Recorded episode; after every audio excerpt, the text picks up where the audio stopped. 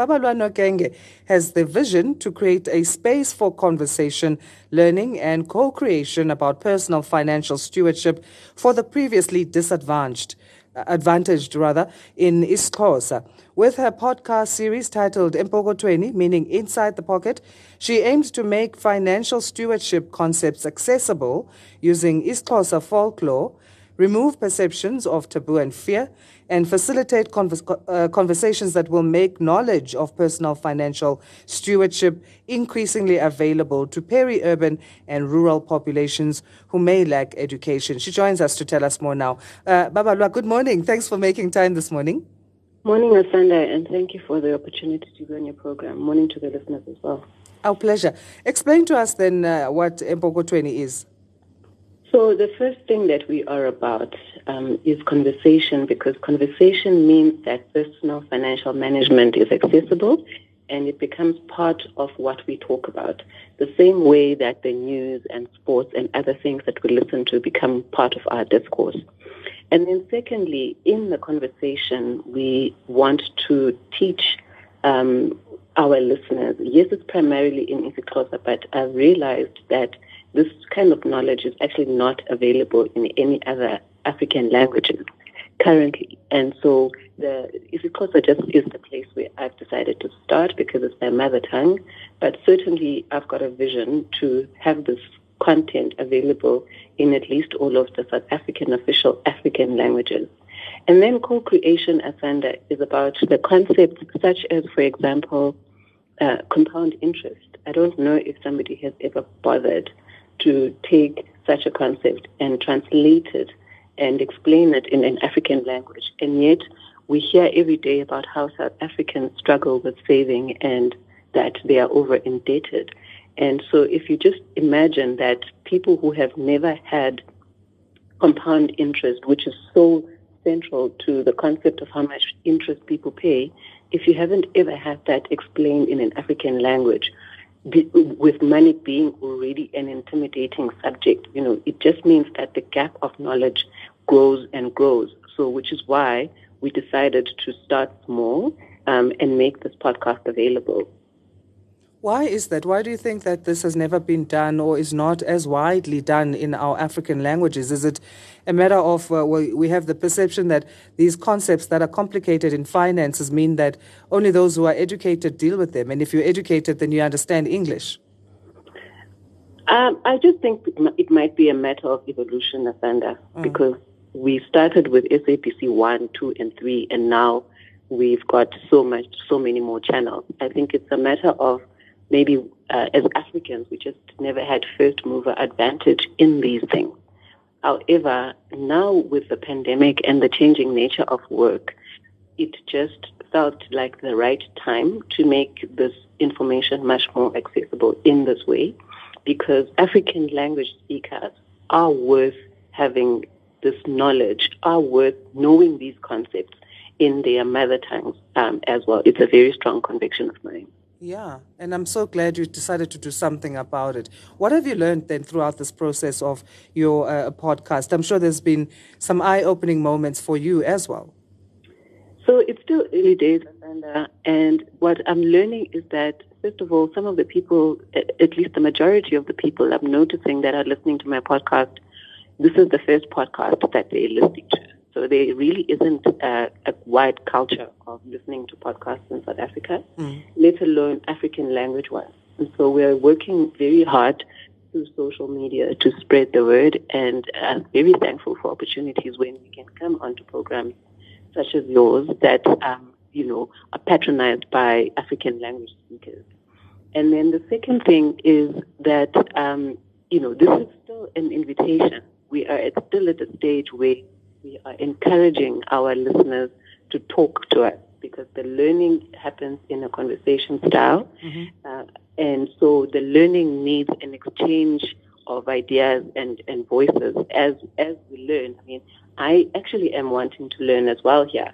I am looking forward to, to listeners saying, Babalwa, you used this expression to express this concept. I think we can package it better this way, just so that we make sure that it gets to as many people as possible.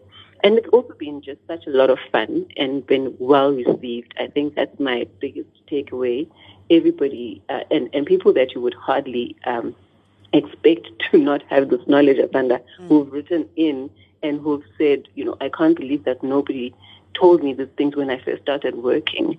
And I'm so grateful that you are out there. So there is definitely a need, and, and I'm excited to contribute my bit to enabling um, financial stewardship to be much more accessible in African languages. Absolutely, and let's keep the conversations going. I think we need to, to come back and just maybe zoom into one of the topics. So, what do you cover then? You, you talk about co- compound interest. What else can be expected? So, so far, we have started very much on an introductory basis, just explaining the basic concepts of consumption, saving, investment. Mm-hmm. And we're also tackling some of the myths and stories that people tend to tell themselves around money. And um, then we are also going to be getting into the hard skills, such as drawing up a budget um, and we're also going to be getting into education around um, around some concepts we will hear being talked about: um, long-term investing, medium-term investing, what all all of those means, and what sort of financial instruments. Um, we're also going to be talking about taxation issues, and um, it's not just me that is going to be on the podcast. Mm-hmm. Um, we do have Xhosa speaking professionals who are also passionate about these subjects who are going to be coming as guests on the program to help me unpack these further. I think we need to get you back for taxation. I think we'll we'll need that one. Uh, it's that season also. Uh, we know that in South Africa we need to sort that out. Okay, so where do people go then to connect uh, with you on your social media as well as the podcast? So on our social media, the handle is Epokothweni, which is E P O K O T H W E N I. A lot of people, I think, because of the regions they may have grown up in, pronounce it with an M. And I just want to emphasize that it's Epokothweni, not Mpokothweni. So if you find us, you will find us on uh, Twitter, you will find us on Facebook, you'll find us on Instagram. And we are also available on Anchor FM, Google Podcast. Are also on Spotify. We are going to be on, on Apple um, Podcast as well very soon.